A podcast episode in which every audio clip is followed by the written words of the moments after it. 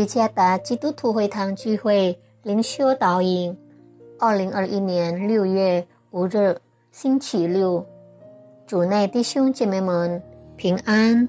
今天的灵修导引，我们会借着圣经《帖撒罗尼迦前书》第一章第五节来思想今天的主题：依靠圣灵的能力传福音。作者。马坡比牧师《帖撒罗尼迦前书》第一章第五节，因为我们的福音传到你们那里，不独在乎言语，也在乎全能和圣灵，并充足的信心。正如你们知道，我们在你们那里为你们的缘故是怎样为人。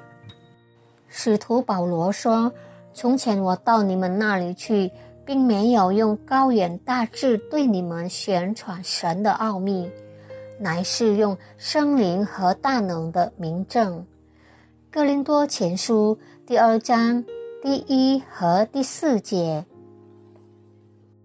照样在帖撒罗尼迦前书里对信徒们说的也是如此。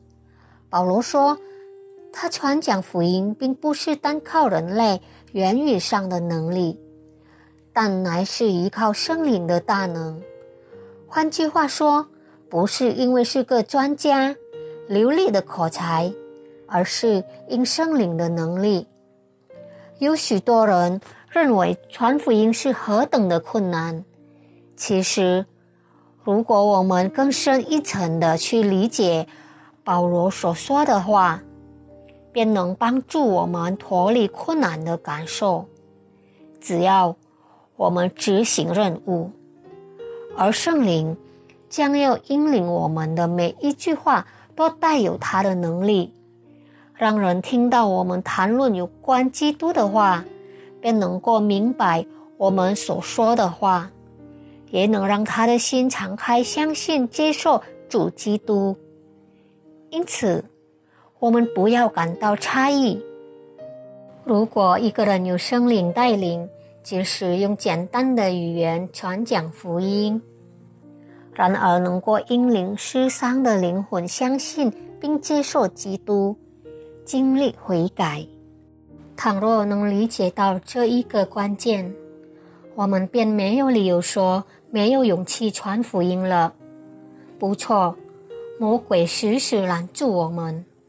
使我们不去传福音，借着一些困难的事物来恫吓我们。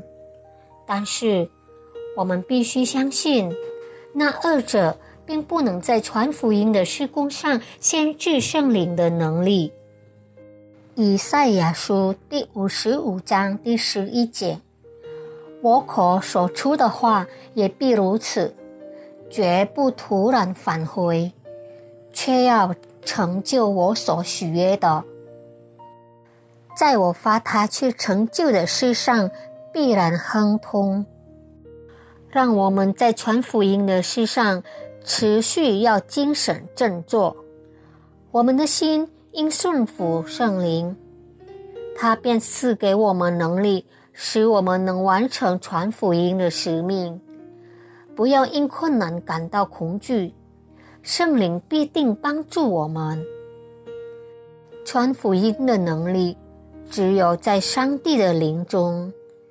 愿上帝赐福大家。